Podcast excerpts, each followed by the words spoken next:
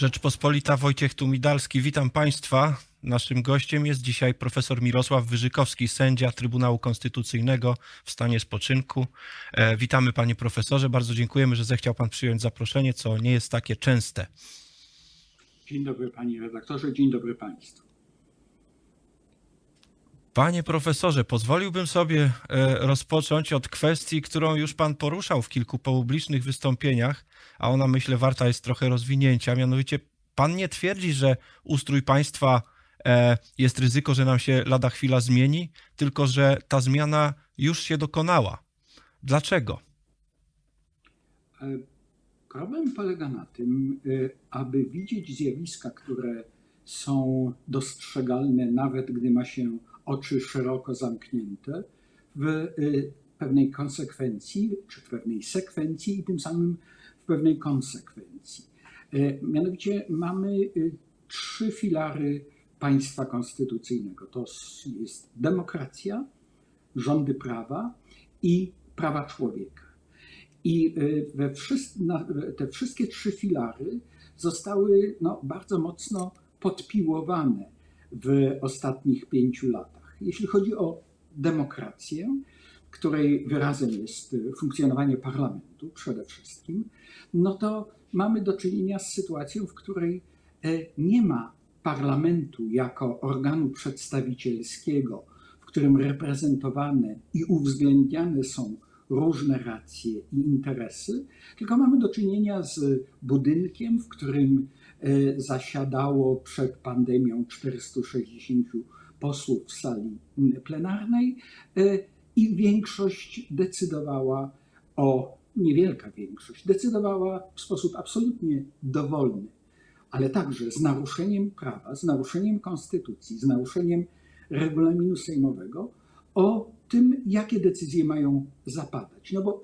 trudno sobie, e, trudno byłoby przekonać kogokolwiek, że zgodne z konstytucją jest chociażby procedowanie nowelizacji kodeksu karnego w sytuacji, w której mamy e, zasady e, dotyczące e, procedury zmiany kodeksu karnego, terminy, sposób działania, a marszałek Sejmu odwracając głowę od mikrofonu mówi, ale my tutaj przyjmiemy taki, taki szybki tryb i nie będziemy zwracali uwagę na to, co się dzieje. Trudno nazwać parlamentem e, e, instytucją, w której w sprawach ustrojowych posłowie mają prawo zabierać głos nie przekraczający jednej minuty. A jeżeli 40 e, sekund jest dłuższe przemówienie posła, to jest karany grzywną 3000 zł. Przykładów można by podać bardzo wiele. Demokracja jest zagrożona i jest pełna erozja demokracji. Dalej, rządy prawa. Panie profesorze, je, je, je, jeśli wolno, zapytałbym tylko, no przecież, no przecież e, taki był wynik wyborów, że większość ma partia rządząca. Czy ona może dowolnie kształtować sobie zasady funkcjonowania parlamentu?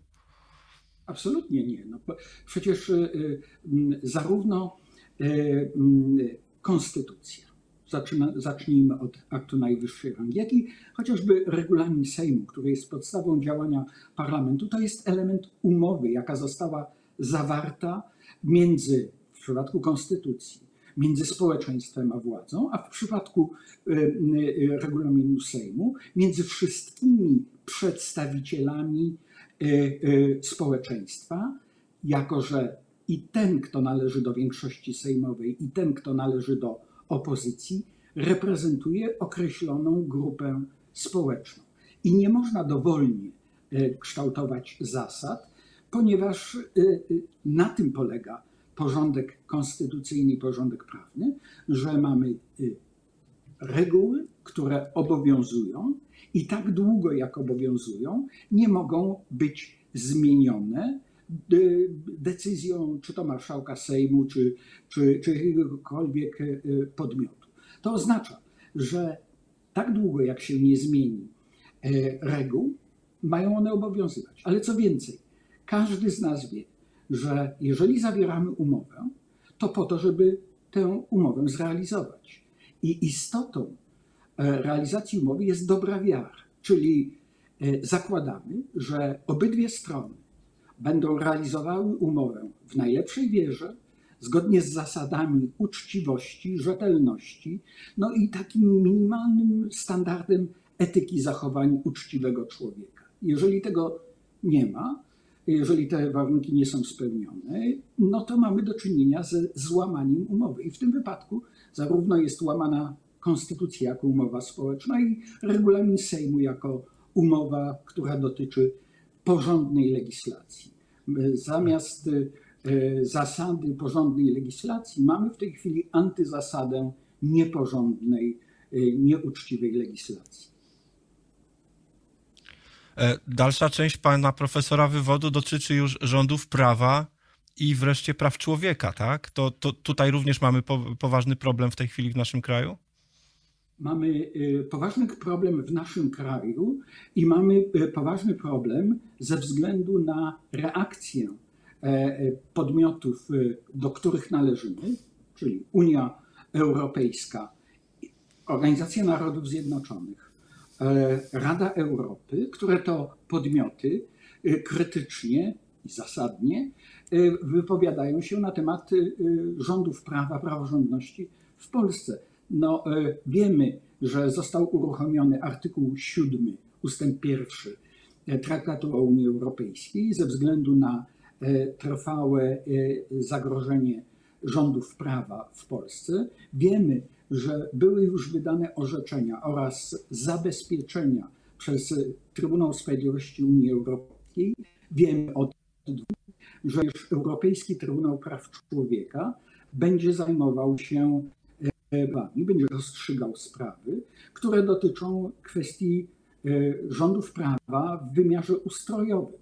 Bo e, dla przypomnienia, e, Trybunał, Europejski Trybunał Praw Człowieka zakomunikował rządowi rozpoczęcie formalne procedury w takich sprawach jak status sędziów Trybunału Konstytucyjnego, którzy zostali wybrani i zaprzysiężeni w sytuacji, w której miejsca w Trybunale były zajęte przez prawidłowo wybranych sędziów, ale e, od których prezydent odmówił przyjęcia e, ślubowania, mamy do czynienia z, ze sprawą, w której została przerwana kadencja członków Krajowej Rady Sądownictwa.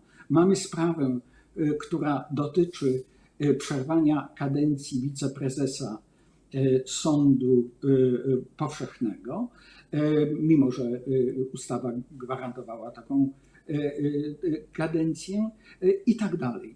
Czyli mamy stanowisko wysokiego przedstawiciela Organizacji Narodów Zjednoczonych do spraw niezawisłości sędziowskiej, bardzo krytycznie oceniające zdarzenia, które miały miejsce do, ciągu pierwszych trzech lat po 2015 roku, bo sprawozdanie e, e, Wysokiego Komisarza e, jest publikowane w 2018 roku, ale chwilę później, kilka miesięcy później, tenże sprawozdawca wyraził krytyczną opinię na temat postępowania wobec sędziego Ożurka.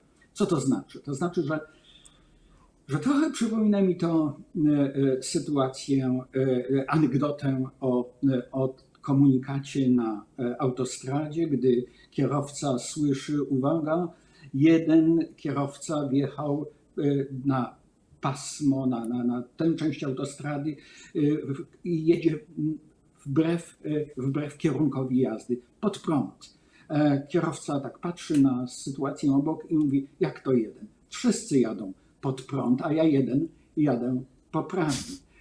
Jeżeli bowiem mamy do czynienia z sytuacją, gdy e, podmioty, które cieszą się prawdziwym, rzetelnym autorytetem prawnym, społecznym, moralnym w kraju, mówią o e, podstawach, e, podstawach naruszenia konstytucji i ustaw w Polsce.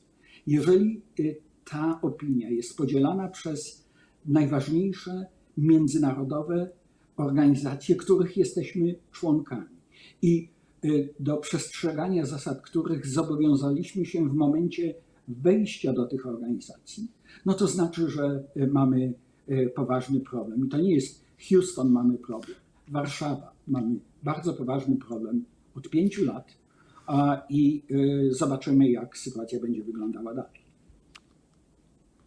Panie profesorze, no, może tutaj dojść do jakiejś konkurencji między międzynarodowymi trybunałami. W grze już jest w tej chwili przecież i to od dłuższego czasu e, Trybunał Sprawiedliwości w Luksemburgu.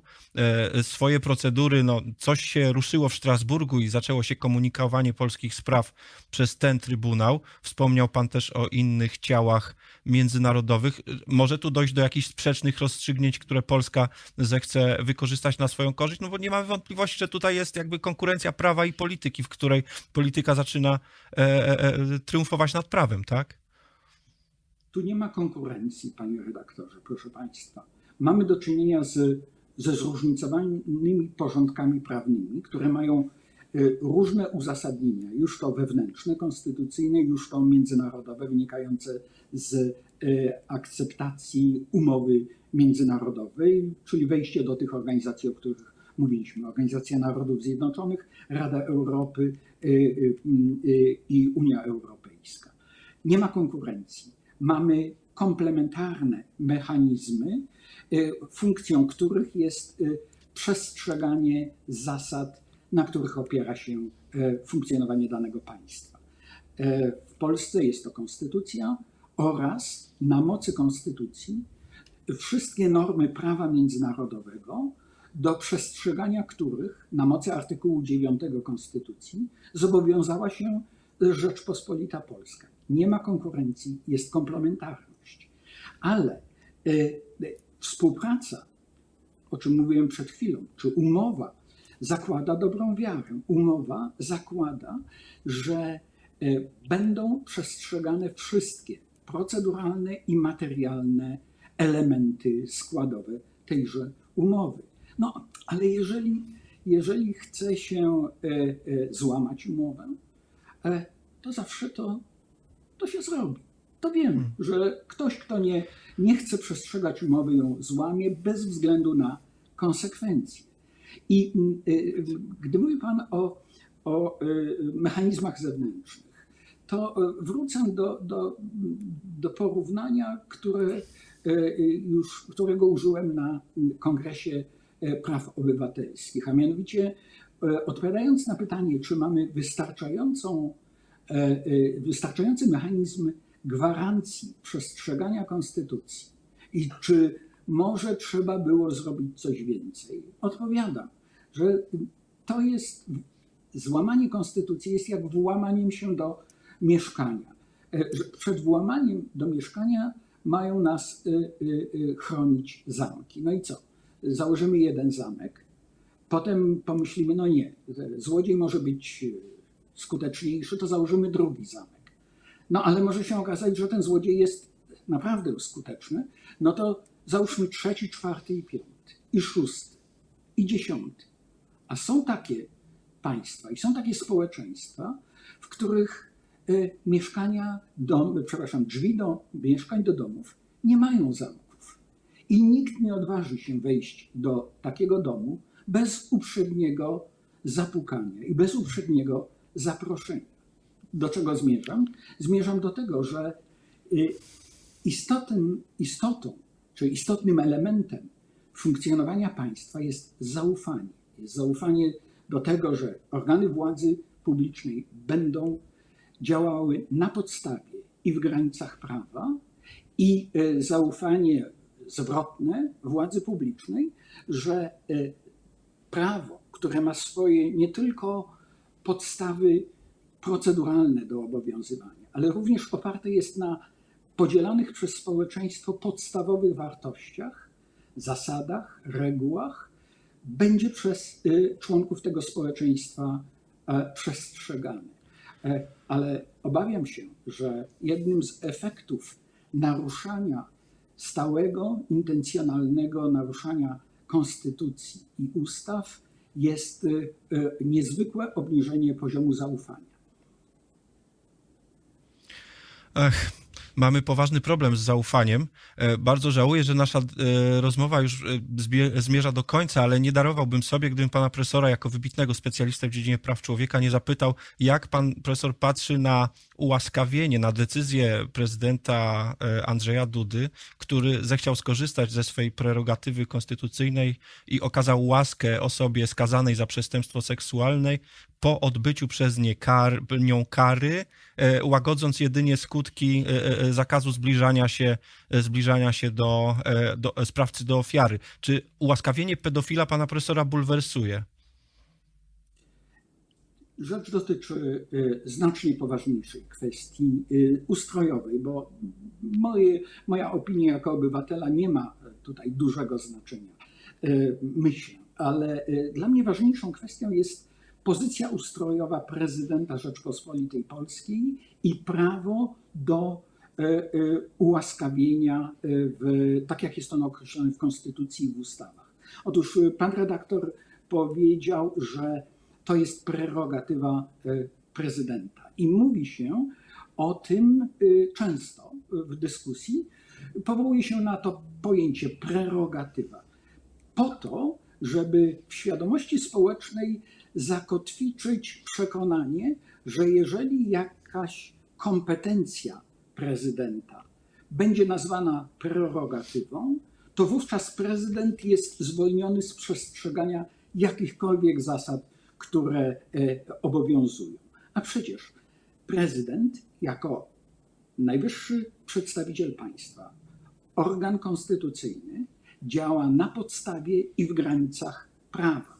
I mamy dwa, e, dwie sytuacje bulwersujące, które e, miały miejsce na samym początku kadencji pana prezydenta Andrzeja Dudy i na zakończenie kadencji.